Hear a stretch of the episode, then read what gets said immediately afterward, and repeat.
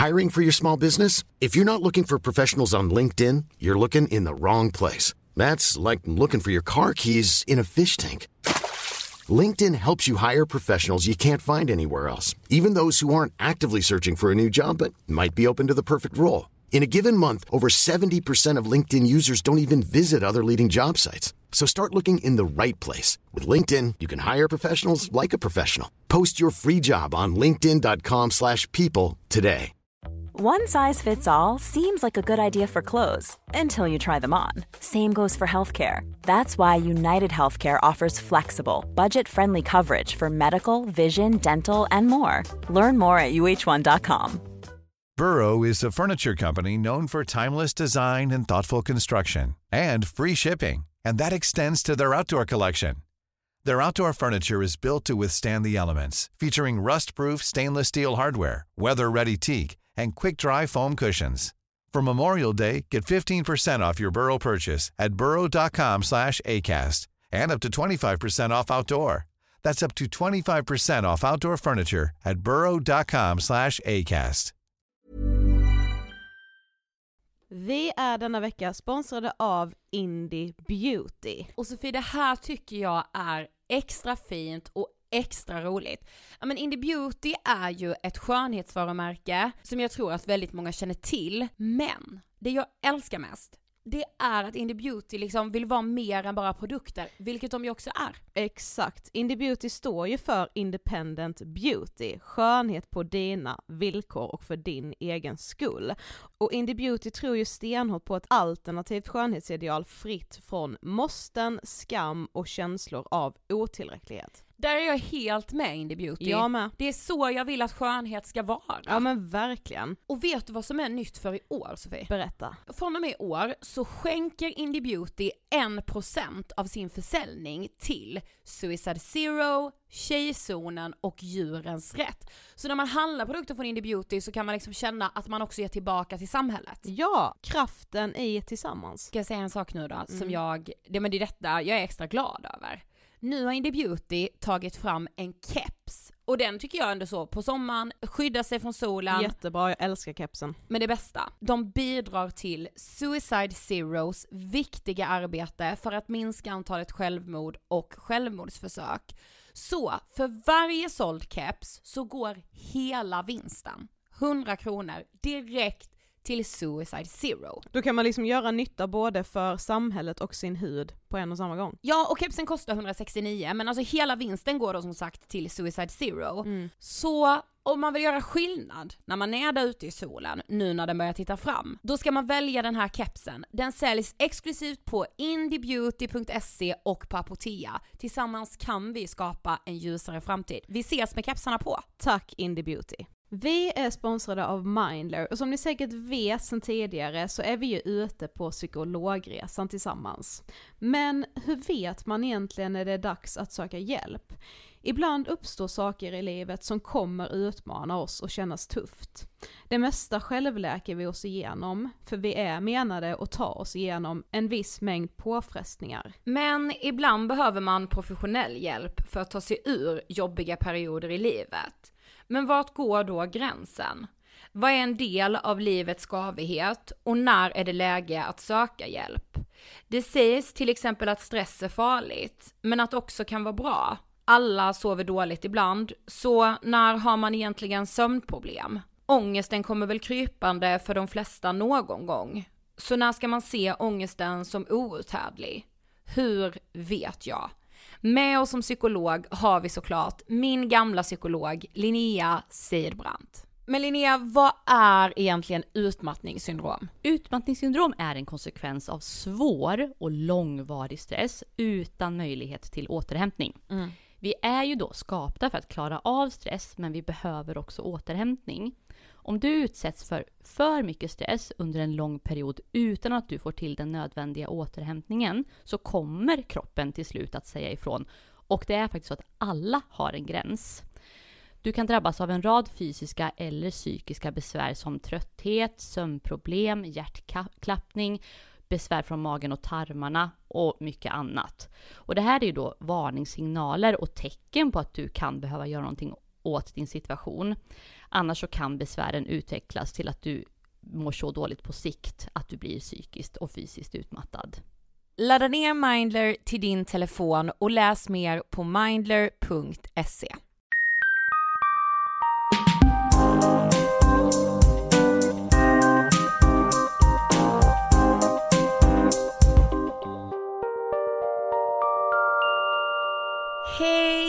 Du lyssnar på Ångestpodden avsnitt 262 Yes. av den här, okej nu är jag ödmjuk Sofie, men briljanta podden. Okej, ja, visst. Med all ödmjukhet. ja absolut. jag håller med. Ja, bra. Ja, hur mår du? Jag har ont i kroppen. Mm, för att? Nej men jag var på massage igår. Nej men alltså och också en sån här speciell massage som eh, ska hjälpa mot min spänningshuvudvärk. Jag kommer utvärdera den lite längre fram kan Ja. man säga. Eh, och nu känns det som att jag har blåmärken, alltså everywhere. Ja. I wanna be with you everywhere. Jag var faktiskt också på massage i Hur mår helgen. du? Nej men jag var ju också på massage i helgen. Eh, och eh, ja men det var gött. Eh, jag hade liksom ont på ställen jag inte visste att jag hade ont på och Ja. inte ont på ställen där jag trodde att jag skulle. Du vet hon bara, vad ska jag fokusera idag? Och jag bara, ja du vet det är den här vanliga vid axlarna och Ja, ja. ländryggen. Du vet så här. nej min rygg var hur bra som helst, det var i mina ben där jag hade liksom, ja det gjorde jävligt ont. Men jag blev också glad för att hon sa att jag hade väldigt bra blodcirkulation och det var väl den bästa komplimangen jag fick förra veckan tror jag. Åh, så härligt. Ja. Men det, jag vill inte veta om det, jag vill veta om du hade någon sån här jävla ångest. För att du vet Söndag. att jag hade det. ja men vad, alltså jag menar jag vill veta mer om den. Ja, jo jag hade mycket ångest i söndags. Eller alltså jag har det, nej nu har det mer övergått i en så irritation på mig själv typ, för jag, jag tänkte väldigt mycket i söndags, vad är det jag har ångest för? Alltså du vet när man har sån ångest som man ändå känner så här. Någonstans vet jag nog varför jag har det, men jag kan liksom inte komma fram till riktigt vad det är. Och och det är ju okej att ha den ångesten som man inte vet varför man har Ja. och bara ha den liksom. Men ibland kan jag tycka att det är liksom skönt att ändå så här. det kommer ju ofta fram när man sitter och pratar med någon. Och så satt jag då med vår bästa kompis Jossan och pratade om det här och bara, "Ah, men jag har haft en jävla pissdag idag liksom. Jo för när jag kom till henne hade jag verkligen fixat mig trots att vi skulle ha så här, du vet söndagsmys. Ja okej. Eh, och hon bara gud vad fin du var liksom, jag bara ja det var för att jag försökte rädda den här, den här situationen som är jag. Du vet när man bara känner såhär, nej men jag får fixa mig idag, gå lite på stan och bara försöka tänka på annat typ. Men jag kände när jag satt på bussen in till stan, jag hör inte hemma här. Eh, jag kände, vad vill jag med mitt liv egentligen? Jag har ingen aning. Varför känner jag mig inte tillfredsställd fastän jag har precis det livet jag vill ha? Jag vet inte. Alltså du vet så här, det var bara massa frågor liksom. Men jag kom väl egentligen inte fram till någonting mer än att jag kände i söndag så här. Fan vad man vissa dagar måste få ha de dagarna när man vältrar sig i sin ångest. Alltså för jag kände typ så här. Alltså du vet när man har den ångesten som bara sitter runt halsen typ som ett strypgrepp och bara så här trycker någon lite hårdare nu så kommer jag börja lipa. Men samtidigt så vill jag verkligen gråta men jag har ju så svårt för det, alltså det går liksom inte. Så jag går bara runt och är så här pylig typ. Men så kände jag så bara, för först när jag vaknade på morgonen och kände att det var en sån dag så kände jag så här, ah, okej nu måste jag göra saker för att jag inte ska ha den här ångesten idag. Och sen bara kände jag, varför då? Kan jag inte bara få ha en sån här pissdag och låta det vara det också? Så bara såg jag en annan kompis som skrev igår på sin instagram att hon hade en liknande dag som hon skrev precis så som jag hade känt i söndags. Så skrev jag till henne och bara så här, alltså så här, skynda inte ifrån den här dagen och bara så här, gud jag måste göra någonting för att slippa känna det här, utan bara vara i skiten, alltså jag tror man måste få vara lite självömkande ibland, för det är så man kan känna så här. Jag försökte typ skriva ner någonting som jag kände och, och skrev bara så här självömkan var liksom titel på allt jag skrev typ. Men jag tycker på något sätt att det ska vara okej att få vara i det också. Jag tycker det läggs så mycket fokus på så här, så här ska du göra för att inte må dåligt eller så här ska du göra för att inte stressa för framtiden och bla bla bla. Det är inte bra om man är i den här ångesten hela tiden. Och så här, det är bra att ha någon att prata med och så, men jag, jag, jag kände bara så här: nej nu får jag bara ha en sån dag när jag vältrar mig i detta, låt mig! Ja. Låt mig och min ångest vara. Men det var inte så här liksom att du kände typ att, alltså jag vet inte, alltså kunde du liksom känna att du exakt visste vad det var eller var frustrationen också att du inte visste? Mm, ja det var nog mer att jag inte visste, alltså det var så mycket tror jag. Alltså när jag satt och pratade med Jossan så bara, åh jag känner typ så här. alltså du vet det var ju mer bara, det är liksom inte så konkreta saker utan ibland bara mår man lite skit. Mm. Alla kan må piss, alltså mm. lite så typ. Eh, ja, alltså du vet man, om man sitter där liksom då, det är söndag, jag kände mig kanske lite ensam, lite orolig för att jag ska känna mig jätteensam i framtiden, alltså framtiden är ju ett skrämmande moment. Det kommer det nog alltid vara i mitt liv Men kan du, men du menar att du har de här dagarna sällan? Eh, ja, så som det var i söndags har jag ändå relativt sällan. Okay. Men sen kan jag ju ändå, eftersom det var så mycket i söndags, det är onsdag nu när vi spelar in det här, så är jag ju fortfarande, jag har ju inte lämnat allt det, Nej. men det är ju inte så liksom konkret och starkt som det var i söndags, men det kanske också var för att jag satt hemma i vår lägenhet ensam, det fanns liksom inga ingenting som distraherar den. Nej jag vet. Men kan du inte, alltså jag tycker ändå att den ångesten du beskriver nu, mm. Alltså nu var den väldigt stark i söndags, mm. men jag tycker ändå att du beskriver den mycket. Alltså du beskriver den ofta för mig. Ja. Men det är väl att jag är, jag vet inte, det känns som att jag är i en ålder nu där det känns som, jag vet ju med att det är en känsla som inte är sann, alltså jag försöker ju hela tiden tänka på vad till exempel Johannes Hansen sa till oss när han gästade oss mm. och bara så här, alla känner så. Jag bara, mm. aha, alltså du vet jag blev liksom chockad av det, man bara nej det är inget chockerande, mm. det är mm. så det är. Men så här, alltså man, man tror att alla andra har som benkoll på vad de ska någonstans, vilken riktning de går mot, vad de vill med livet, är liksom lugna i vad de är i sina relationer liksom oavsett om de är singlar eller i en liksom parrelation, det kan ju vara vänskapsrelationer med eller mm. relationer till sin familj och sådär Alltså det är liksom, nej det är allt möjligt. Men det är nog framtiden, alltså den är skrämmande. Alltså på något sätt som jag sa för några avsnitt sedan, den finns inte i min värld för jag vill typ inte att den ska finnas. Men då när jag har de här, den här ångesten är det ju att det sköljer över mig bara så här, du kan inte ducka det liksom. Mm. Men vad, tänker du inte, alltså jag återkommer ju till det här hela tiden men det är ju för att jag tror att alla människor behöver det liksom. Mm. Men tänker du fortfarande inte att du ska gå i terapi? Jo i söndags gjorde jag det. Ja. Verkligen. Men men jag vet inte, alltså det är så svårt att bara ta tag i det. Alltså jag såg någon på Twitter som hade skrivit så bara, och hon var typ ändå sjuksköterska. Hon hade skrivit bara, hon blev liksom inretweetad i mitt flöde så tyvärr kan jag inte, jag vet inte vad hon hette, jag kommer inte ihåg, jag kommer Nej. förmodligen att hitta henne igen. Men hon hade skrivit så bara, ah, jag har bett en kompis nu boka in en terapeuttid till mig för att jag, jag hittar alltid på anledningar till att inte hinna göra det själv. Mm. Alltså något annat kommer emellan liksom. Så ja, varsågod. Ja du menar, för jag kommer ju ha gjort det till nästa gång i så fall. Ja det kan ni göra i sådana fall. För ja. jag kommer inte göra det.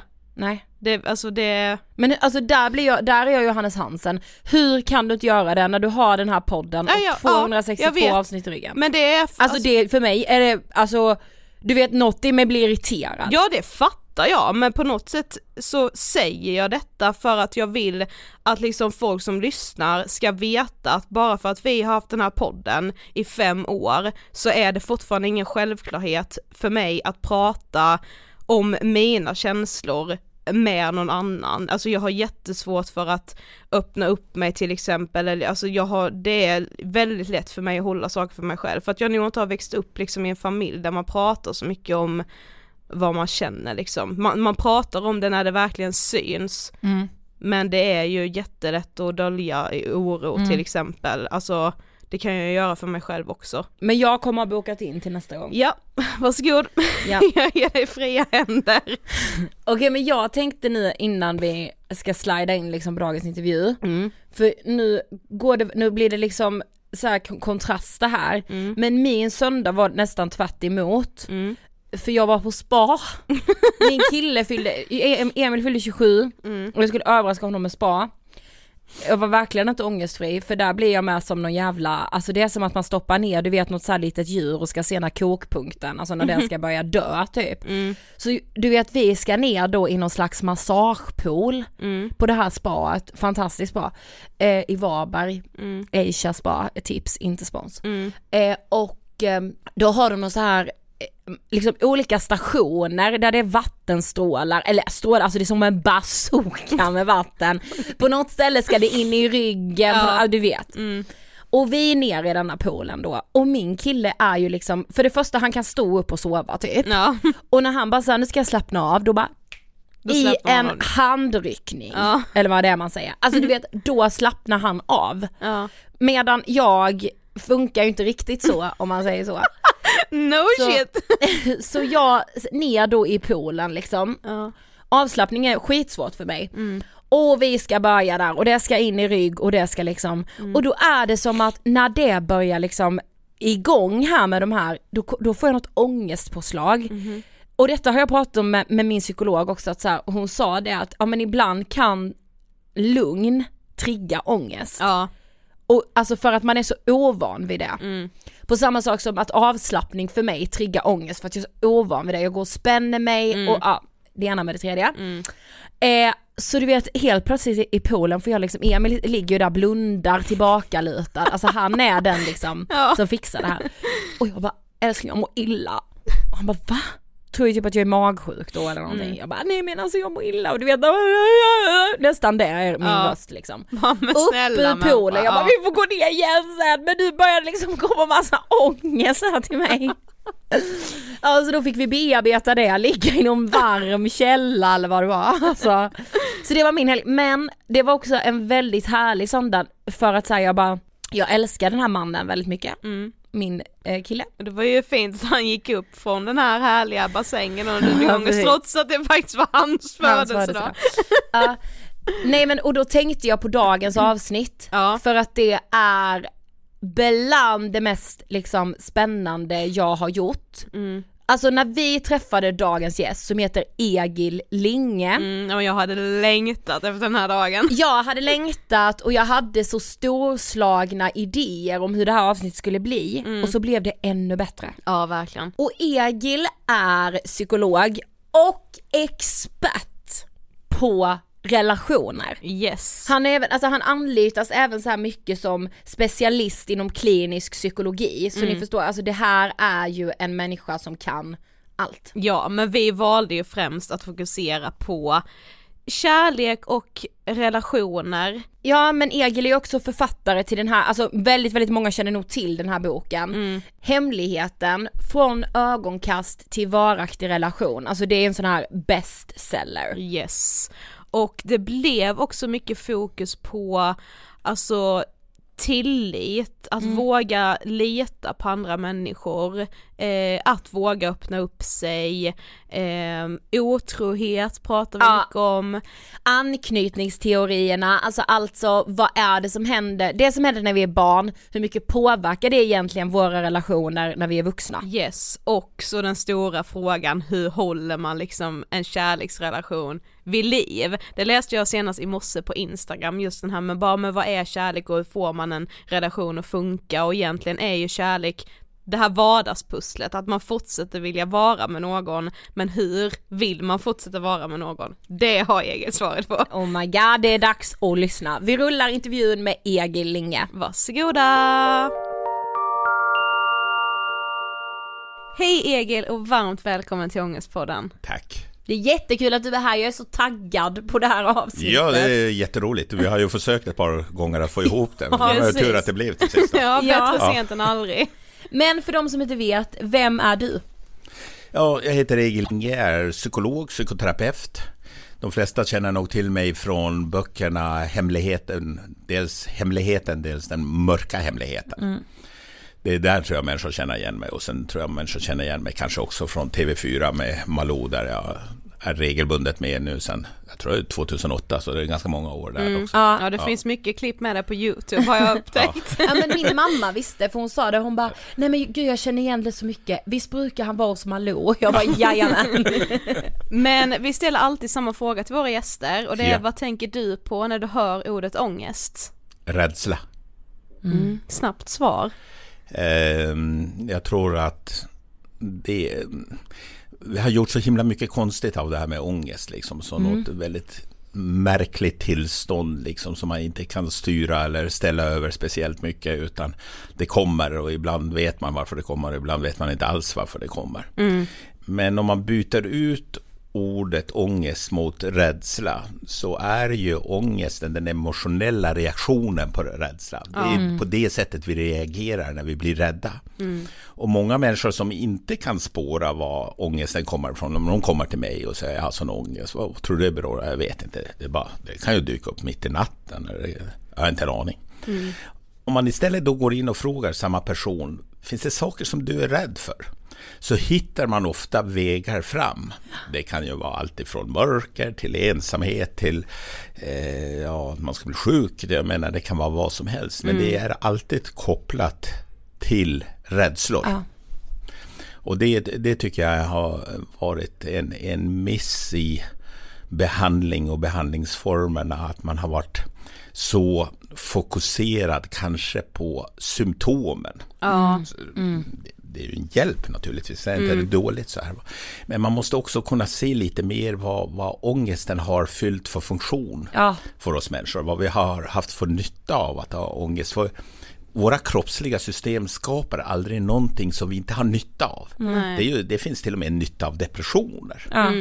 Eh, Men naturligtvis, vi ser det mer som någonting som är plågande, någonting som är jobbigt, som vi helst inte vill ha naturligtvis. Va? Och därutav också behandlingarna som har kommit runt ångest. Precis. Ta bort. Mer ta bort än att förstå. Ja. precis. Men alltså hur kom det sig att du från allra första början blev intresserad av psykologi och, och sådana här frågor?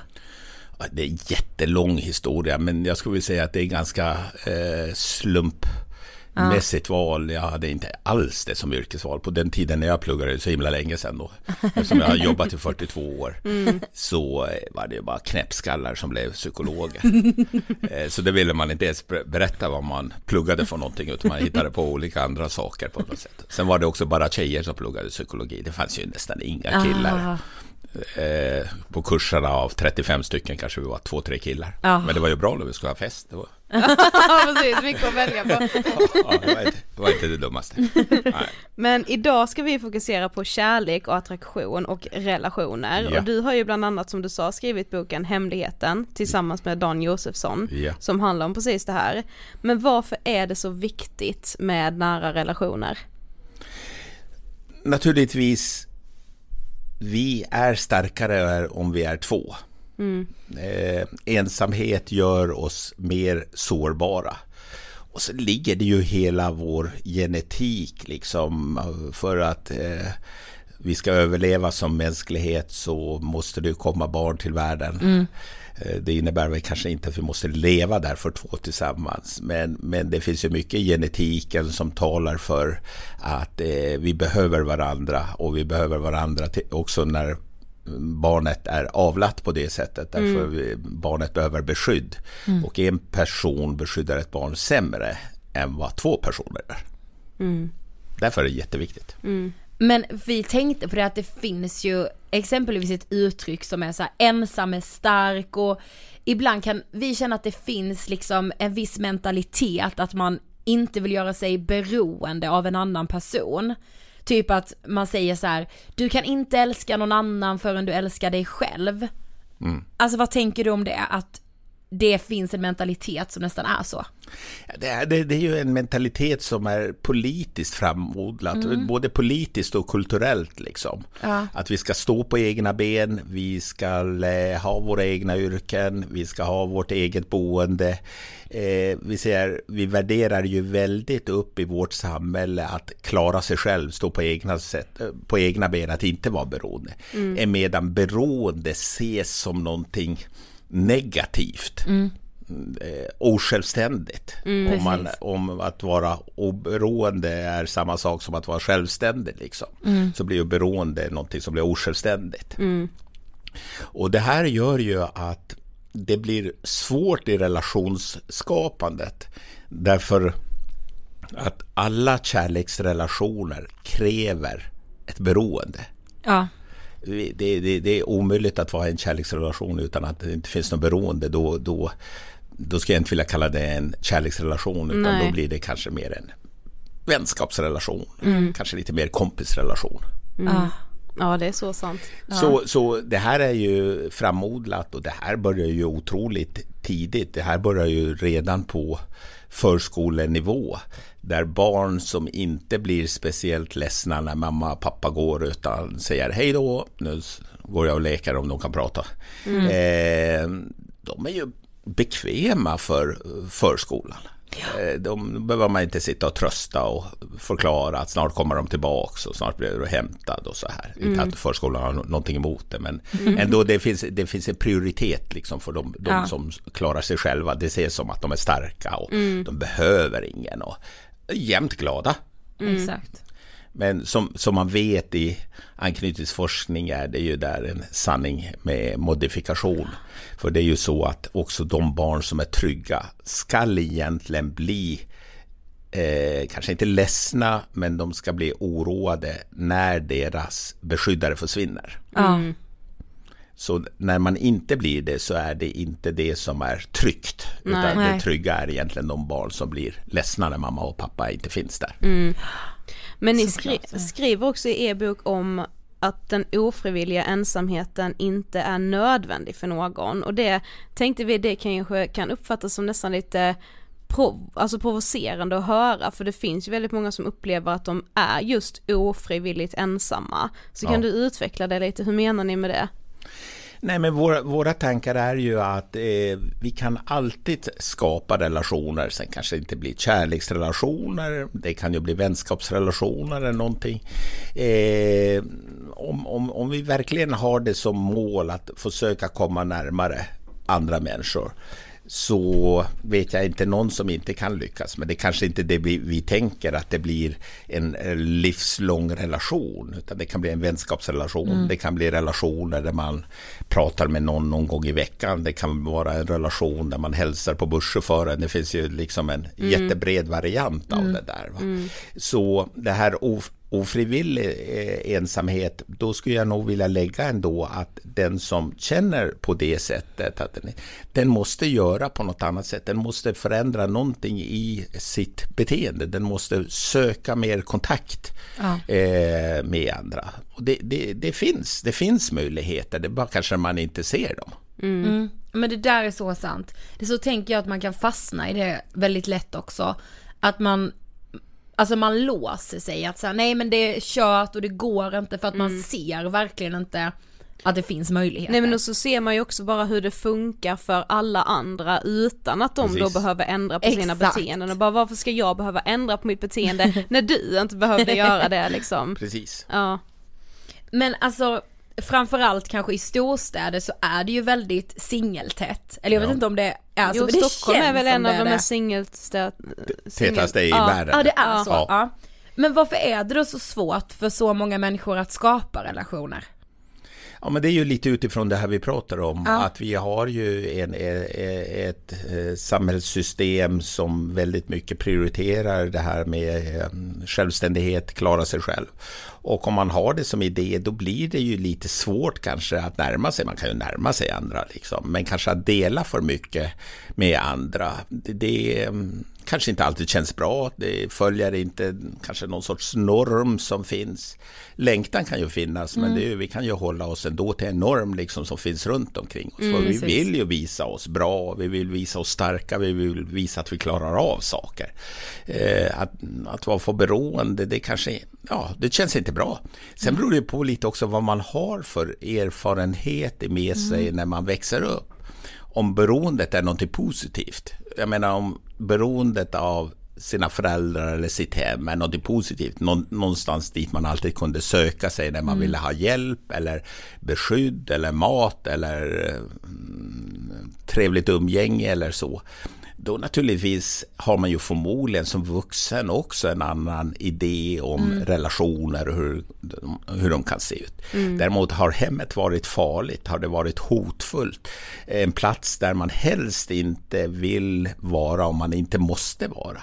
Så naturligtvis påverkar det oss också som vuxna att våga gå in i relationer för då har vi ju ingen sån grundmodell med oss. Men jag skulle ändå säga, alltså jag menar jag tycker ändå själv, jag har liksom växt upp jättetryggt och har liksom, ja men haft en trygg relation med båda mina föräldrar. Men jag tycker ändå, alltså jag blir jätteotrygg om jag ska närma mig andra människor, att öppna upp mig för någon annan. Jag vet inte om det är, är liksom samhällsnormerna som har fått mig att känna så, för i min värld är det ju lite så här jag vet inte, inte lika starkt att direkt öppna upp sig för någon. Alltså jag ser det som något jag ser inte det som något negativt för jag tycker det är coolt när alla andra vågar göra det men jag själv är väldigt rädd för att göra det.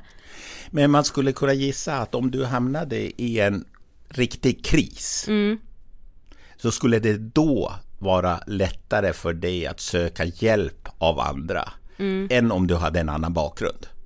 Ja, Eh, nu när du säg, säger att öppna upp sig och så, så kanske du inte krisar så jättemycket. Det är mer, eh, du är med i ett socialt sammanhang där de andra kanske inte gör, eh, eh, visar så himla mycket av sig själva eller alla har sin position och då plötsligt har börjat förändra den och säga Jag- men jag behöver jättemycket. Det blir ju jättesvårt. Ja. ja för jag menar jag tycker inte det, är- jag kan ju inte på ett sätt säga att jag har svårt för att öppna upp mig med tanke på att jag sitter här i podden och pratar om mina egna känslor vecka ut och vecka in. dig, alltså. Ja, men just när det kommer till liksom kärleksrelationer tycker jag det är väldigt svårt. Det är nu, alltså jag känner mig väldigt rädd för att bli liksom sårad eller utbytbar eller inte få mina känslor besvarade så då skiter jag typ hellre i det än att vara den som blir sårad liksom. Och det är ju kan vi säga kärleksrelationer, där blir det ju på något sätt det ultimata liksom. Mycket närmare kan man ju inte komma Nej. än i en kärleksrelation. Man kan komma jättenära vänner också. Men det är ju ändå någonting annat, annat, på ja. det sättet. Va? Och då, eh, eftersom du kan ha haft jättebra när du växte upp och så här, men du är ju också uppvuxen i ett sammanhang där du har gått i skola, du har sett dina kompisar agera på olika sätt, du har haft olika vänner och så här. Du har haft kompisar som har varit schyssta, du har förmodligen haft kompisar som pratat bakom ryggen, eh, kanske inte om dig men om någon annan. Liksom. Så du har ju en massa erfarenheter. Och hur ska du veta i den här när, nya relationen som du kanske har träffat någon vecka, vad, vad det är för person. Och då måste du ju, om du är lite klok, så måste du bli lite försiktig. Och kanske inte öppna upp allt den första veckan. Du får göra det vecka nummer två eller någonting. Eh, Så det, det, det, det är en ganska normal reaktion på... Och där tycker jag igen att man kan koppla det här med barn. Barn kan ju vara jättetrygga. Men kommer de i en främmande miljö? Jag säger ju när jag dels har gått med mina barn och också barnbarn, liksom, att de kan ju vara, när de är hemma, väldigt livliga. Full fart. Sen går man bort de, de första fem minuterna är de ju perfekta. Då sitter Ja. de där och de dricker sin saft och så här. Efter tio minuter är de inte alls på, på, på det sättet. De är väl perfekta ändå, men, Ja, men på ett annat men- sätt. Och det är väl samma det här i relationer. Att när man möter någon sådär och, och ska komma nära så, så naturligtvis det tar ett tag innan saften är uppdrucken. Ja, precis. Eh, om man det- vågar göra på ett annat sätt. Ja, jag tror det är det som är lite så här typiskt för vår generation, att allt ska gå så fort med. Så man kan liksom inte ta det här att, ja första dejten är ofta ganska stel, det är båda är nervösa, ma- det blir inte så här, samtalet rullar kanske inte riktigt som man har förväntat sig att det ska göra och då blir man med så här, nej men det där var inget för mig typ. Ja. Alltså man skiter i det direkt för att man har för höga förväntningar. Mm. Men hur vet ja. man då att man så träffat den rätta? Det är lite som vi skriver i boken, den hemligheten, att man kanske måste ändra lite på sitt system, att man kanske inte ska dra de här snabba slutsatserna efter en dejt. Nej. Nej. Om den känns i alla fall någorlunda, om det inte liksom skär helt ihop i magen eller någonting Ja. träffar den här personen, så kanske man ska träffa den ytterligare eh, en gång. Ja. Och jag ändå som i mitt yrke är väldigt van att bedöma människor. Eh, Jag gör ju ingenting annat, jag har inte gjort någonting annat i 40, 40 års tid. Så kan jag ju tycka när jag träffar någon person första gången att det här kommer ju gå jättebra. Den här personen ser jag hur man skulle kunna guida i psykoterapi.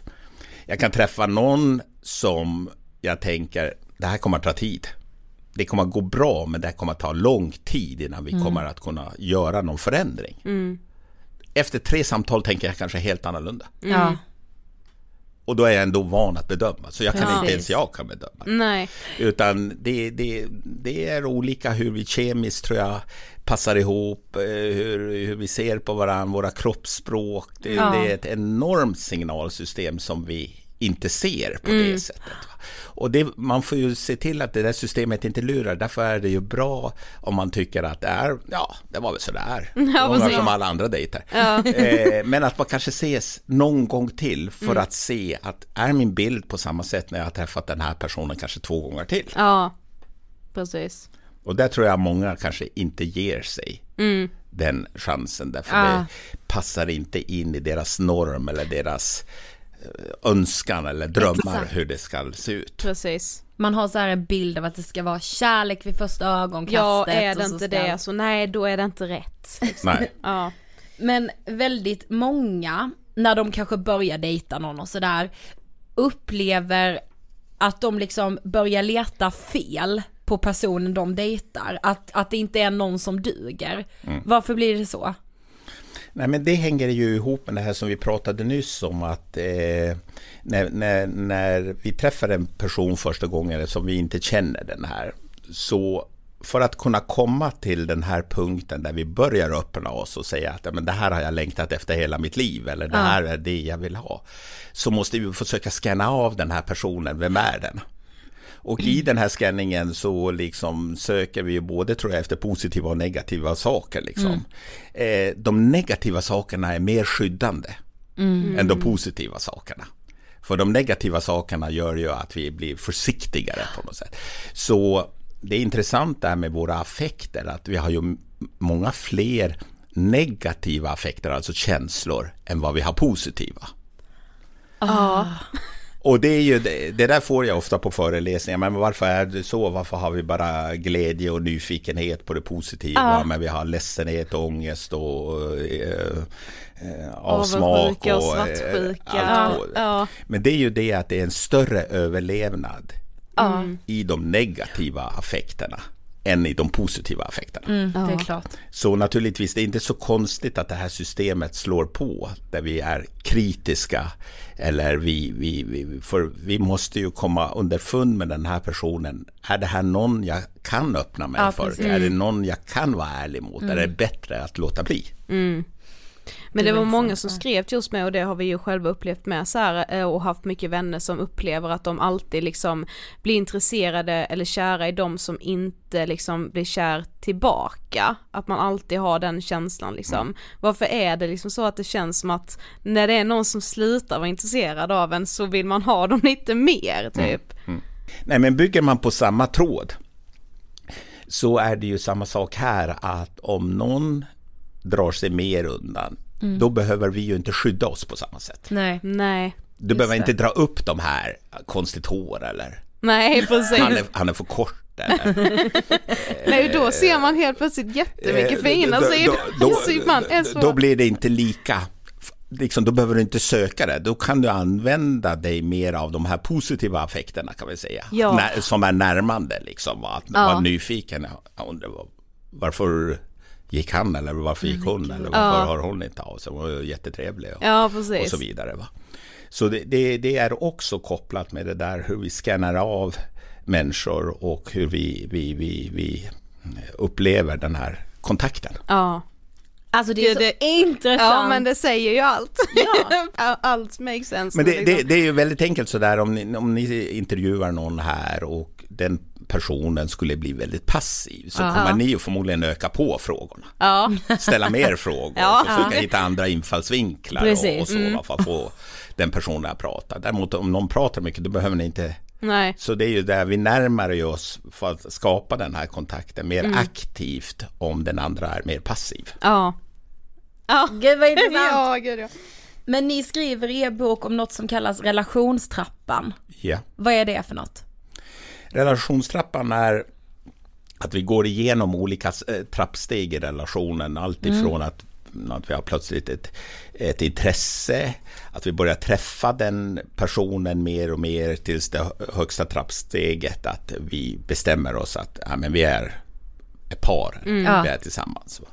Jag tror att det är så vi skriver. Det var några år sedan jag läste boken, men jag vet, det, det var någonting i den stilen. Ja. Eh, och det är ju så att de första där att visa intresse, det, det, mm, det har de flesta ganska eh, lätt att göra liksom. Ja. På något sätt, och vara lite kompis. Eller vän, eller tycka det var kul på festen. Eller på det sättet. Man hör av sig med Men när vi går vidare i den här trappstegen, att träffas fler gånger, det är då anknytningsmönstren aktiveras. De är inte aktiva, kan vi säga, hela tiden. Nej. Till viss del är de aktiva, men de stiger ju mer och mer. Va? Så då om vi har en, ett anknytningsmönster, till exempel undvikande, att bli passiva eller så, så kommer vi bli, när, när, när vi kommer längre in i relationen, när vi träffs fler gånger, så kommer vi ju välja den sidan att kanske bli mer vi blir inte tysta, men vi kanske anpassar oss Ja, mer till, till vad den andra tycker eller vad den andra, vi, plötsligt får vi samma intressen som den och så. va. Eller att vi blir kanske ännu, om vi är mer ambivalenta som vi skriver i boken, då kanske vi blir ännu mer klängiga. Ja. När vi är nära målet så tänker vi hålla. I den Ja, relationen. gud ja. ja. Så, så det här påverkas ju av, desto djupare vi kommer, desto tydligare kommer våra anknytningsmönster Ja. synas, i alla fall i relationen. Mm, ja men för att berätta om anknytningsteorin. Ank- I'm Sandra, and I'm just the professional your small business was looking for. But you didn't hire me because you didn't use LinkedIn jobs. LinkedIn has professionals you can't find anywhere else, including those who aren't actively looking for a new job but might be open to the perfect role, like me. In a given month, over 70% of LinkedIn users don't visit other leading job sites. So if you're not looking on LinkedIn, you'll miss out on great candidates like Sandra. Start hiring professionals like a professional. Post your free job on linkedin.com/people today. One size fits all seemed like a good idea for clothes Nice dress. Uh, it's a it's a t-shirt. until you tried it on. Same goes for your healthcare. That's why United Healthcare offers a variety of flexible, budget friendly coverage for medical, vision, dental, and more. So, whether you're between jobs, coming off a parent's plan, or even missed open enrollment, you can find the plan that fits you best. Find out more about United Healthcare coverage at uh1.com. That's uh1.com.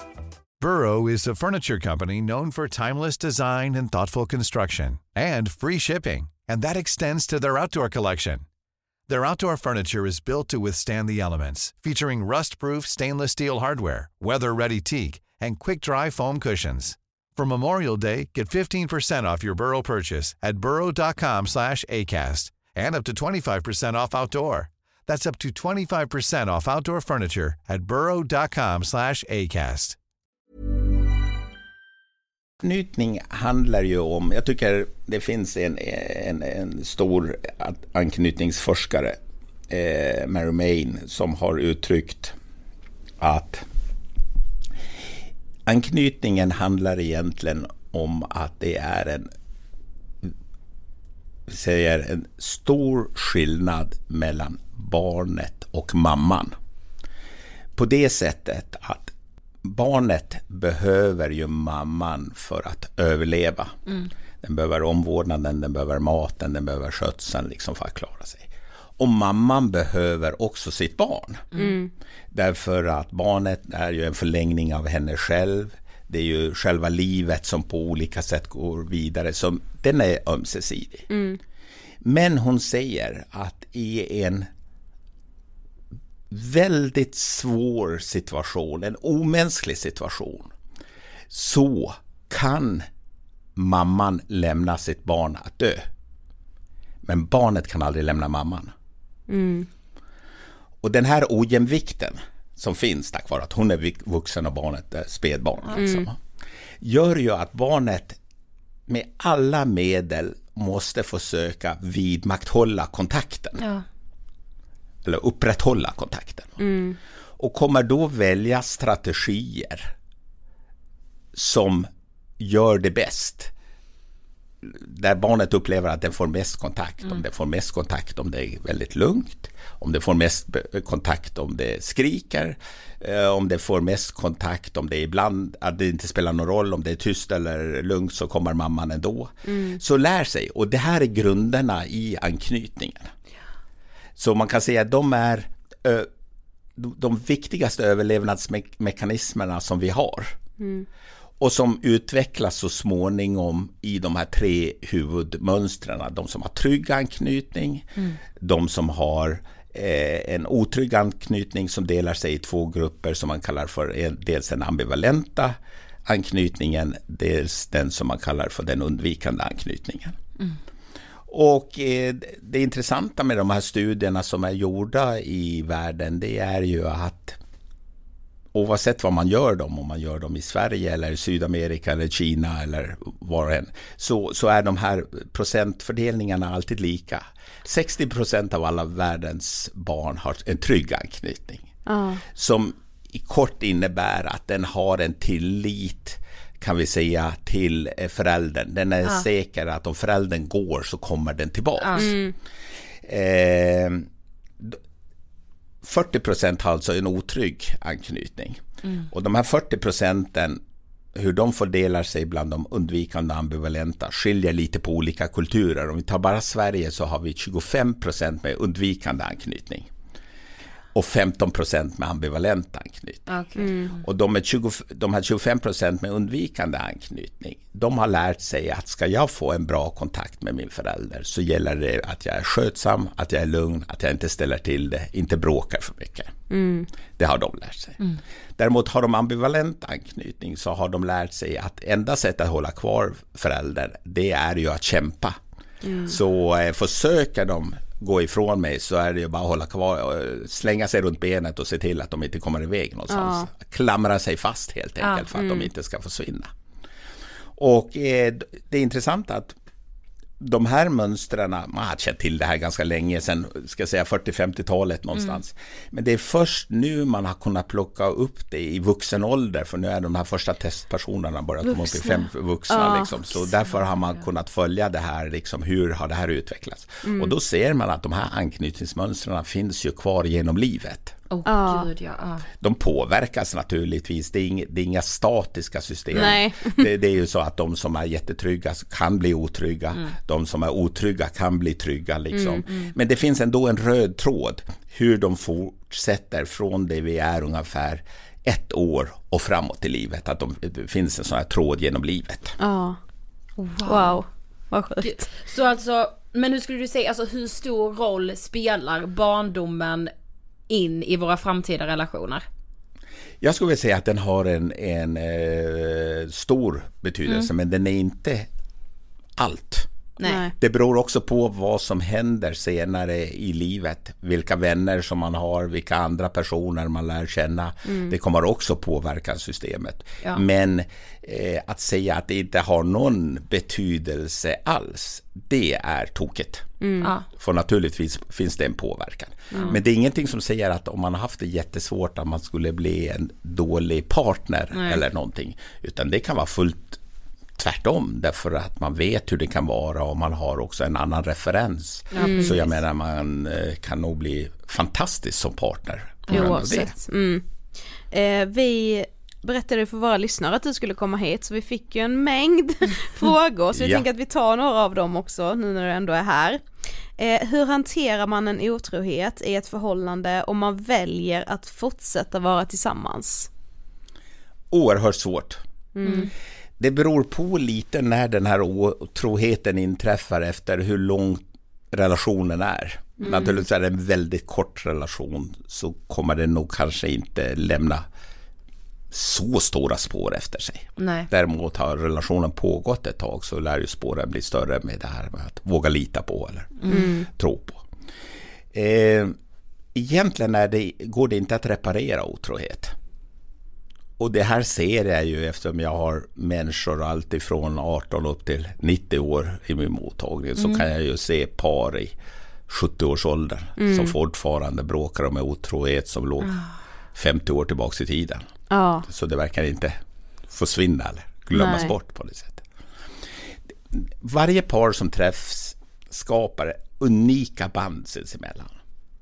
De kommer aldrig haft de banden med någon annan person, utan de är unika med ja, hur de träffades, hur det var tillsammans, hur de har upplevt saker ihop och, och så vidare. Va? Det som händer vid en otrohet det är att det här bandet brister.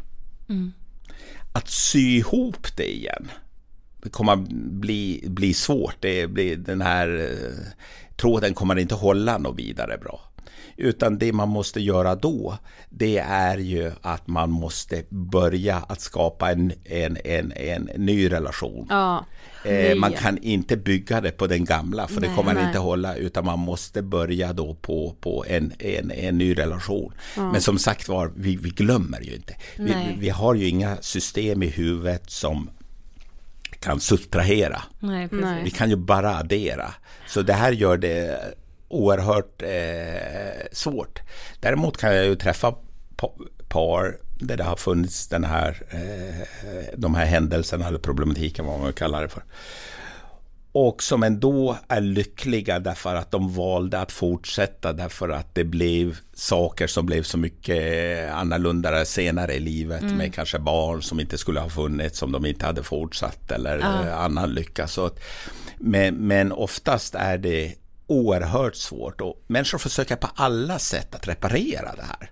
Ja. Jag menar om du har varit otrogen så är jag otrogen får man försöka hitta något sätt att balansera det här. Det är ju en, en modell att eh, försöka handskas med det eller aldrig är det prata om 1-1. det. Eller, ja, så det, det finns en massa, man ser verkligen hur människor eh, kämpar Ja. med det här. Va? Och eh, det här, det här har ju varit en medvetenhet tror jag otroligt lång tid eftersom den också kommer igen i religion på olika Ja, sätt. Va? Det där att man inte får skilja sig och så här. Va? Därför man har förstått att människan går lite åt olika vägar och har lite olika. Så jag menar man har ju försökt styra det eh, också religiöst på olika sätt. Ja, precis. Eh, Att, det här. Men, men det är svårreparerat, det vill jag säga. Där. Och ändå bra tips som du sa, i sådana fall får man liksom starta om relationen och bygga nya band. Ja, för att de nya gamla band. gam... Inte bygga på de gamla, Nej. för det, det kommer inte att hålla. Nej. Men jag tänker, alltså finns det någon typ forskning på så här, alltså hur vanligt är det med otrohet? Är det vanligt? Jag tror att det ligger ganska högt. Det, det är också olika i olika länder. Ja, men jag vet det är inte, det är kanske också olika sätt som man kan forska det här och hur vad folk svarar på det här. Ja. Eh, men jag har inga siffror på det. Men eh, eh, det är ju en vanlig orsak till eh, separationer. Och vi har ju mycket separationer. Ja, precis. Ja. Men hur skapar man tillit till någon? Tillit, det, det skapar man egentligen det, det är intressant den här frågan tycker jag. Hur skapar vi tillit till andra? För vi vet ju hur vi ska göra när vi ska skapa tillit till barn. Vi vet att vi måste till barn, eh, har vi lovat dem någonting så ska vi ju helst fullfölja det som Ja. vi har lovat.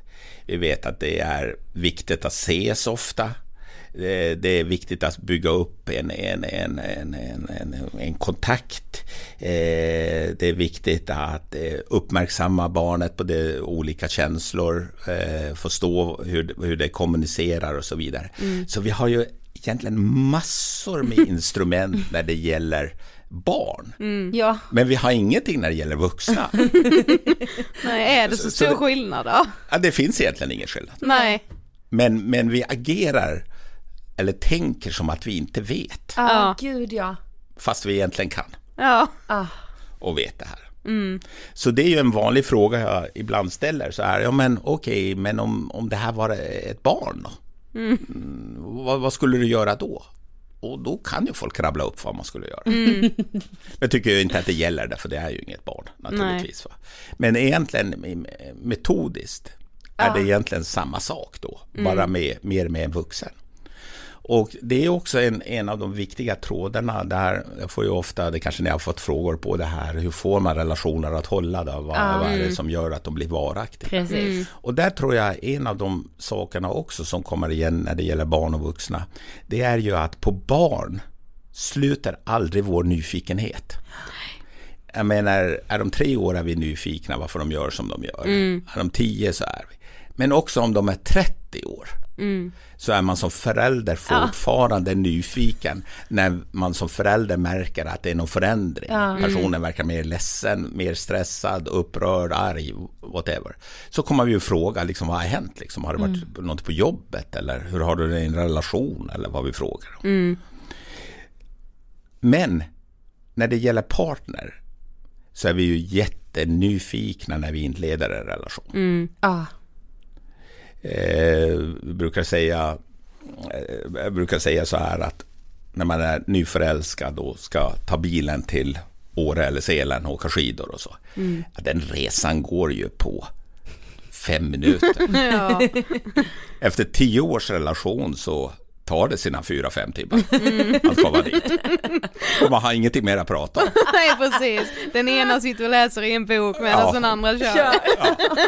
Eh, Så det är någonting som försvinner, den här nyfikenheten. Och att vidmakthålla den är ett otroligt viktigt instrument för att kunna vidmakthålla också en, en relation. Ja. Alltså, säger ju sig självt också egentligen, ja. alltså jag tänker ju de vänskapsrelationer jag har som jag känner ändå fortfarande blommar, alltså vår vänskapsrelation till exempel, det är ju för att vi ändå fortfarande har nyfikenhet Ja, i att den. man är det och såklart gäller det för alla relationer. Ja, Det känns så självklart när du säger det ja till oss, varför är det inte så självklart? Vi har aldrig sagt det Nej, själva. nej då. Nej, så det, det, det här är ju verkligen en konst att vid, Ja. vid, vidmakthålla och det som hindrar oss att göra det. Man kan ju undra varför vi inte fortsätter då liksom. Är det bara därför att det är barn vi är nyfikna? Ja. Men det finns andra komponenter också och det som är ju en vanlig sak i längre relationer, det behöver inte vara kärleksrelationer, det kan vara parrelationer av olika slag. Det är ju att vi blir tankeläsare. Vi tror att vi vet vad den andra tänker eller tycker eller tror. Liksom. Så det blir onödigt att fråga. Utan ser vi att någon är besviken så eh, säger ni till varandra, ja det är därför att dörren var låst. Därför hon så sur och vi kom inte in här eller någonting. Eller vad, vad som helst. Va? Så den här tankeläsningen som vi får när vi är tillsammans med någon lång tid förhindrar nyfikenheten, för vi tror hela tiden. Att vi vet precis vad den andra tänker, vad den andra tycker, vad den andra känner. Fast vi egentligen inte har en jota om det. Nej. Jag tänker Nej, det jag och min sant. kille har varit tillsammans i två år, ändå tänker jag så, ja men jag vet ju vad han, alltså, Ja. Ja. gud det är så intressant. Mm. Jo men också att du skulle kunna säga, ja då var det som att han blev arg. Ja, Fast precis. du har inte frågat, blev du frågat, arg ja, nu och varför blev du Det arg i så sådana fall? sant. Ja.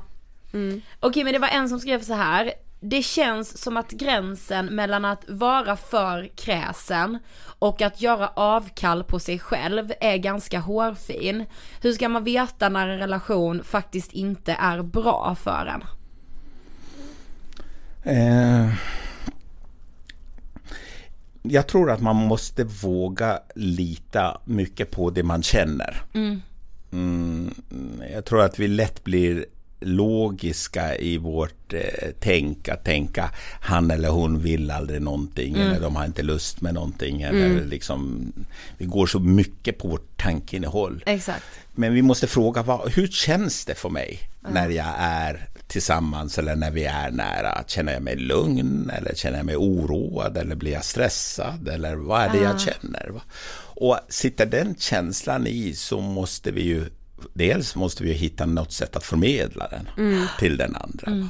Och se om den har en förmåga att göra någonting åt den känslan som jag upplever eller mm, liksom eh, förändra den på något sätt.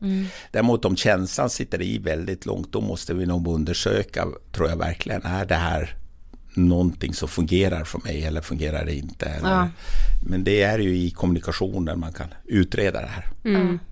Det var också väldigt, väldigt många som skrev till oss om att så här att de har levt i en ömsesidig relation liksom där allt har känts jättebra och de båda har varit jättekära och sen plötsligt har man blivit dumpad och hela uppbrottet har gått jättesnabbt och sen så ser man också ganska snabbt hur ens ex då går vidare och liksom skapar en ny relation med en annan människa och att man då känner så här hur kan vi ha haft så olika syn på vår kärlek, alltså det har känts så ömsesidigt men har det, kunnat, har det varit det verkligen om, om den här personen nu kan gå vidare så snabbt med någon annan, liksom hur ska man tänka där? Jag, jag, tror ju att om, om det skulle vara så att den ena personen upplever att det här är jätte, jättebra liksom mm. och sen nästa dag är den andra försvunnen med någon helt annan då, då är det ju något mm. något speciellt skeende mm. Eh, i det. Liksom. Mm. Någon som inte har visat vad den egentligen tyckte ja. eller bara var följsam eller någonting på det sättet. Mm. Eh, däremot om det har varit under lång tid, att man när man börjar lite titta på hur relationen har varit och att vi, vi pratade väldigt lite med varandra de här sista perioden. Vi låg nästan aldrig med varandra. Mm. Vi gjorde aldrig saker ihop. Så blir det ju inte så konstigt att plötsligt den andra går vidare, hittar någon som är följsam eller har lust ungefär med samma saker och att det blir en ny aktivitet. Men för oss kan det ju verka väldigt märkligt. Mm, mm. Och det här ser man när det gäller separationer. En sak som är besvärligt när det gäller separationer, det är ju att den som lämnar har ju ofta haft den planen under en lång tid. Mm. Ja det är ingenting som kommer den dagen de presenterar. Jag tänkte på det här igår. nu, nu, nu är det slut. Mm. Utan det har ju pågått i månader. Mm. Och det gör ju att det blir en väldigt obalans. Så när den säger att det här går inte längre. Jag vill avsluta den här relationen. Så blir det ju chock för den ena. Ja. Medan den andra har bearbetat ja. det i flera månader. Mm. Och då blir ju skeenden jättekonstigt. Den som har redan varit separerad i sex månader, för den är det inte så konstigt att en månad senare Nej. vara en ny relation. Exakt. För då har den ju pågått i sju månader. Ja. Men för den som står kvar så blir det ju jätte, jättekonstigt. Mm. Ja. Hur kan den personen bli så glad? Hur kan den bara skifta? Eh, gå in liksom. Eh, jag måste ju vara helt knäpp som inte har sett det eller mm. vad man nu tänker ja, sig. Eller precis. den andra är knäpp. Mm. Förhoppningsvis tänker den så. Ja. Eh, så det, det, är ju den här obalansen som blir. Mm. Eh, det var också någon som skrev, hur kommer man över rädslan för att bli lämnad? Har man den erfarenheten att man har blivit lämnad, övergiven och så vidare så är det ju viktigt i den kommande relationen. Att man måste ge det tid. Det här är ingenting man kan bara säga nej men jag ska inte, det, det här var så unikt för den personen liksom så. Ja då har man väldigt bra självkänsla. Ja. Det, det, det, är skönt om man har det och tänker det är den andras fel. Så det, här bryr jag, det här bryr jag mig inte om. Men vi säger i, i vanliga fall så handlar det ju mer att då måste man ge sig tid. För det är också någonting som går sönder. Mm. Så att bygga upp tilliten kommer ta sin tid. Precis. Den kanske inte går så, även om man kanske känner, tycker jätte, jättemycket om den här personen. Mm. Så är det ju viktigt att man ger sig tid. Mm. Och det bästa sättet att ge sig tid, det är ju också att berätta för den andra vad som har hänt. Ja. Mm. Så att den förstår varför man kanske inte får direkt svar på sms ja. eller varför den andra inte hör av sig direkt eller så. Mm. Att den kanske behöver tid. Och då blir det ju bara intressant med dem, den partnern som kan ge tid. Mm, de som inte kan ge tid, där funkar det inte. Därför Nej. att då, då kommer man ju inte kunna bygga upp den här tryggheten. Mm. Sen, sen, är det ju lite olika också var det sker i livscykeln. Liksom. Ja, såklart. Jag menar en relation som tar slut när man är 19. Det är en sak. Är man 35 är det en annan sak mm. och så här. Det är lite också hur livet ser ut runt omkring och om det finns barn eller inte barn och yrken och ja, det är många saker som ja. spelar in. Mm. Men utöver nyfikenheten då, vad är ditt bästa tips för att hitta kärleken och bibehålla den? Eh, men jag, tr jag tror man, man, man tjänar på att göra förenkla saker. Mm. Och jag tycker jag träffar, det kommer ganska många naturligtvis utifrån böckerna och så är det ju väldigt många som söker min mottagning och, och, och ehm, funderar just på det här hur, hur hittar man kärleken och hur går det till och på mm. det sättet. Och många säger ju att de kan ingenting om relationer fast de haft långa relationer bakom sig. Så mm. de är ju proffs egentligen på relationer ja. men de anser själva det är därför det har varit misslyckat. Ja. Mm. Eh, ganska stor grupp kommer väldigt långt med att på dejterna bli tydliga med vad de söker. Eller vad de ah. vill. Mm. Att säga att jag, kommer, att jag går hit, det är ju ganska givet, liksom, det är en dejt. Men det, det jag kommer hit det är att jag söker någon som jag skulle kunna ha en varaktig relation med. Eller någon som jag kan dela upplevelser med. Eller någon som jag kan känna mig trygg med. Eller ja. så vidare. Va? det händer då och då, några gånger per år i alla fall, att människor kommer till mig, kommer en gång och så pratar vi om det här att våga vara tydlig oavsett vad den andra tycker om det. Och så ringer de nästa gång, jag behöver inte komma, jag har hittat min kille. Nej. Eller min tjej. Oh my god! Så det, det händer. Ja. Några gånger per år stöter jag på det här. Ja. Och det är ju bara genom den här tydligheten. Ja. För de flesta dejter får man ju en bild, är ju någon CV-presentation. Ja, Ja, gud, ja. Vad man har gjort, vad man inte har gjort, vad man jobbar med, vad man inte jobbar med Ja, och så vidare. Så man pratar ju kanske inte så jättemycket utifrån sig själv. Nej. Eller sin önskan. Liksom, det, det ska man få stå på något sätt av konceptet, dejt. Mm, Precis. Men, men, men det räcker inte, utan jag tror att en viktig eh, bit i det här, det är ju att våga vara tydlig. Mm. För jag menar, varför skulle inte ni få längta efter närhet eller Mm. längta av att Exakt. dela saker och ting? va? Men då kommer ju in allt det vi har pratat om här, va? den här försiktigheten, man vet inte vem det är, Mm. eh, vad den kommer säga om det, kommer den sprida ut, här är en som bara vill eh, vara tillsammans, eller jag menar, det är så många olika hinder naturligtvis. Ja, men vi måste göra tydlighet lite mer coolt, Ja. känner jag. Ja, Vå- Och våga stå för det. Ja, det är det ja. punkt slut Det, liksom. har jag, när jag var singel kunde jag verkligen uppleva det att när jag skulle gå på en dejt vågade jag ju, alltså det skulle inte falla mig in och säga så för jag ville ju, tänkte jag att om jag säger det tycker den här killen jag är helt galen. Alltså då kommer han ju springa därifrån. Ja. Det, är ju, det är ju svår jag måste vara och verka ointresserad för att jag ska få hans intresse. Ja så tänkte jag. Ja, ja gud, ja man är så dum. Men, men något mer tips för att liksom bibehålla kärleken i sin relation, mer än nyfikenhet?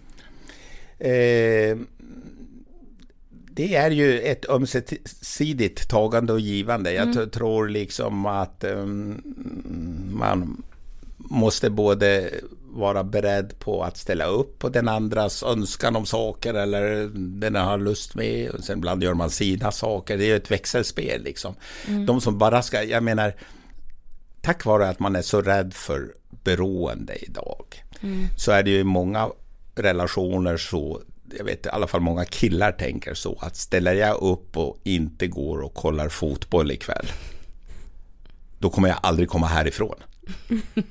Hon, jag kommer få sitta hos henne dygnet runt och polarna kommer ju, alltså klubben kommer ju skicka hotbrev. eh, det intressanta i det där är ju att om vi säger någon tycker inte om att vara ensam, så den tycker, inte om, tycker inte om när ens partner går iväg. Va? Så blir det ju inte bättre av att man står på sig att du måste lära dig att vara ensam för jag kommer gå iväg. Det är ju bättre än inledning i en relation att man ställer upp. Eller att man tar med sin partner. Eller om man då absolut ska gå på den här matchen så gäller det ju att man håller tiderna då. Om vi säger att den matchen är slut 18, att man kom, jag är hemma halv sju. D- Däremot komma hem 23 kommer ju inte göra den andra tryggare. Nej. Nej. Så grunden är egentligen för att skapa en väldigt varaktig det är ju att titta på sina e- egna beteenden och se Gör det här min partner tryggare? Ja.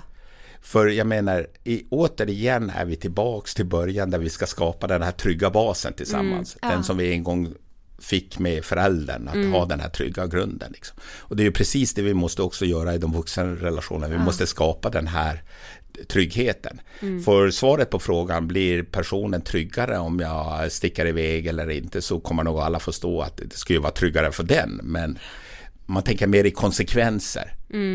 Eftersom vi är rädda att bli för Ja, beroende, precis. då måste ju den andra lära sig att fan, det här är ju min hobby, liksom. det, här, Ja, det kan jag precis. inte rucka på. Där måste man bli mjukare i kanterna, då har man ju god chans till att få en bra relation. Ja, bra tips. Verkligen. Alltså gud jag är, jag är så, jag är liksom fylld du med kommer ha den kärleksfullaste relationen. Ja det kommer jag. Ja. Men sista frågan då. Ja. Vad inspirerar dig, alltså i livet i stort?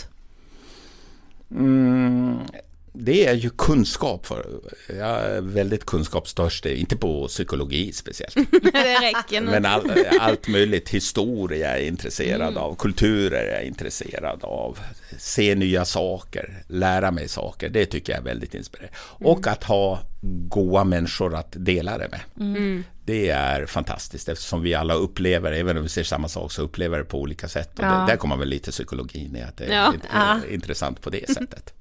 Så det är väl saker som insp- inspirerar mig först och främst, kunskap. Ja. Tack så jättemycket Egil för att du äntligen ville gästa Ja. Ångestpodden. Tack för att jag fick komma. Bra, tack hej.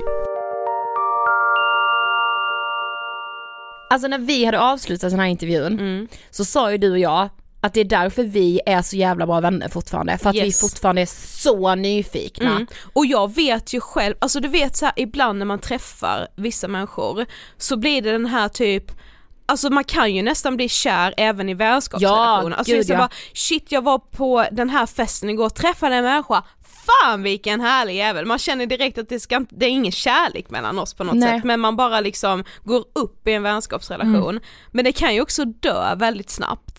Och de gångerna när det har gjort det för mig är det ju för att, ja för vi har ju liksom verkligen tappat intresset och nyfikenheten Exakt. för varandra. Vi är liksom inte nyfikna, vad känner du när det här händer Nej, liksom, eller liksom, vad har du varit med om? Alltså det är det bästa när man känner att man är nyfiken på Ja. en annan människa. Om man bara så här, jag vill lära känna varje del av dig liksom. Ja men jag ringde Emil efter det här och bara vet du vad vi ska behålla i vår relation? Nyfikenheten. Ja, Han bara va?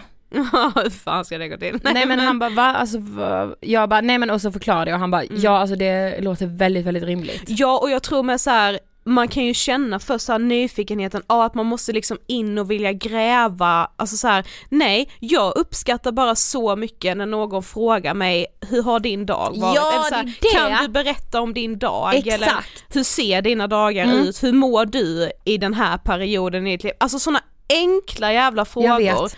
Som är så lätt och bara, de bara uteblir. Mm. En annan sak med som jag har liksom eh, lagt märke till eh, förra veckan var det, men liksom det satte sig bara för att jag visste att vi skulle släppa det här avsnittet. Mårten Granlund som har, är grundare till Under Kevlaret, han har gästat oss tidigare. Han gjorde på sin Instagram så här lite kärleksfrågor och sånt, Ja. vet man kan göra frågedekaler och så här. Så ställer han frågan, hur många här som tittar på det här har liksom, har haft eller har en crush på någon eller är jättekär i någon länge eller kanske en kort period och som inte har sagt det till någon.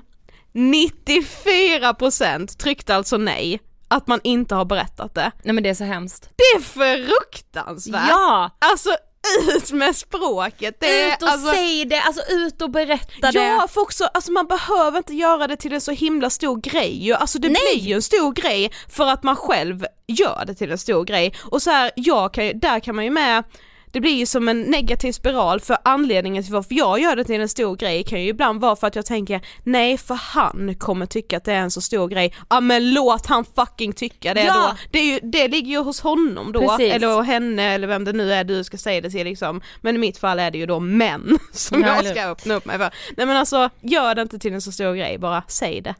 Nej men, och jag med, alltså du vet Sofie jag älskar ju att prata om relationer och kärlek. Ja. Alltså fan vad jag älskar det, jag vill doktorera i kärlek. ja, mm, Alltså så kan jag få göra det? Men det här med otrohet med då? Mm. Alltså jag visste det. Ja ja, det gjorde jag med. Hur ska man, men tänk dig Sofie att sitta som ett par och vara 70 år, den ena har varit otrogen när de var, var typ 30. Ja. Och sen man kan inte släppa det och jag fattar det. Ja. Men då är det bara så här: leave that fucking bitch. Ja, men det är, leave him. vi är ju så Her, himla rädda hen. för att vara ensamma ju. Jag vet. Det är ju det, så då är man hellre kvar i en trasig relation än att våga ge sig ut och vara ensam. Och liksom, man har väl inget hopp om att man ska träffa någon annan. Alltså väldigt många av er fick ju förhoppningsvis också svar på några frågor som ni ställde Yes. och jag känner så här: Egil måste komma tillbaka. Det måste han, alltså det löser vi ju. Han har ju faktiskt sin mottagning, typ granne med Jag vår poddstudio så att vi kan Nej, ju ses snart igen. Ja. Ja.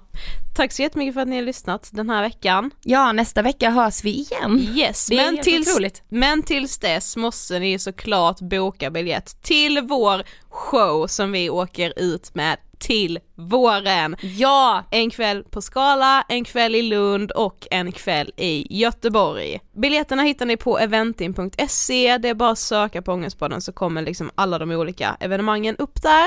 Och sen glöm inte att gå med i vår Facebookgrupp.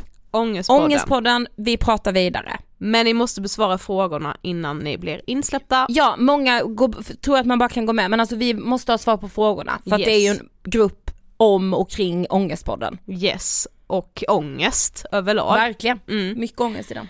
Ha det bäst, så hörs vi som vanligt nästa vecka. Hej då!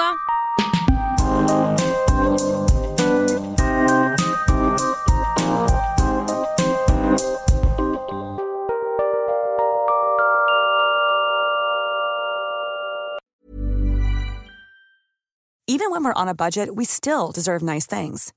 Quince is a place to scoop up stunning high-end goods for 50 to 80% less than similar brands. They have buttery soft cashmere sweaters starting at $50, luxurious Italian leather bags, and so much more. Plus, Quince only works with factories that use safe, ethical, and responsible manufacturing. Get the high-end goods you'll love without the high price tag with Quince. Go to quince.com slash style for free shipping and 365-day returns. Mom deserves the best, and there's no better place to shop for Mother's Day than Whole Foods Market. They're your destination for unbeatable savings, from premium gifts to show-stopping flowers and irresistible desserts. Start by saving 33% with Prime on all body care and candles. Then get a 15-stem bunch of tulips for just $9.99 each with Prime. Round out Mom's menu with festive rosé, irresistible berry chantilly cake, and more special treats. Come celebrate Mother's Day at Whole Foods Market. Imagine the softest sheets you've ever felt. Now imagine them getting even softer over time. That's what you'll feel with Bowl and Branch's organic cotton sheets. In a recent customer survey, 96% replied that Bowl and Branch sheets get softer with every wash. Start getting your best night's sleep in these sheets that get softer and softer for years to come. Try their sheets with a 30-night guarantee. Plus, get 15% off your first order at bowlandbranch.com. Code BUTTERY. Exclusions apply. See site for details.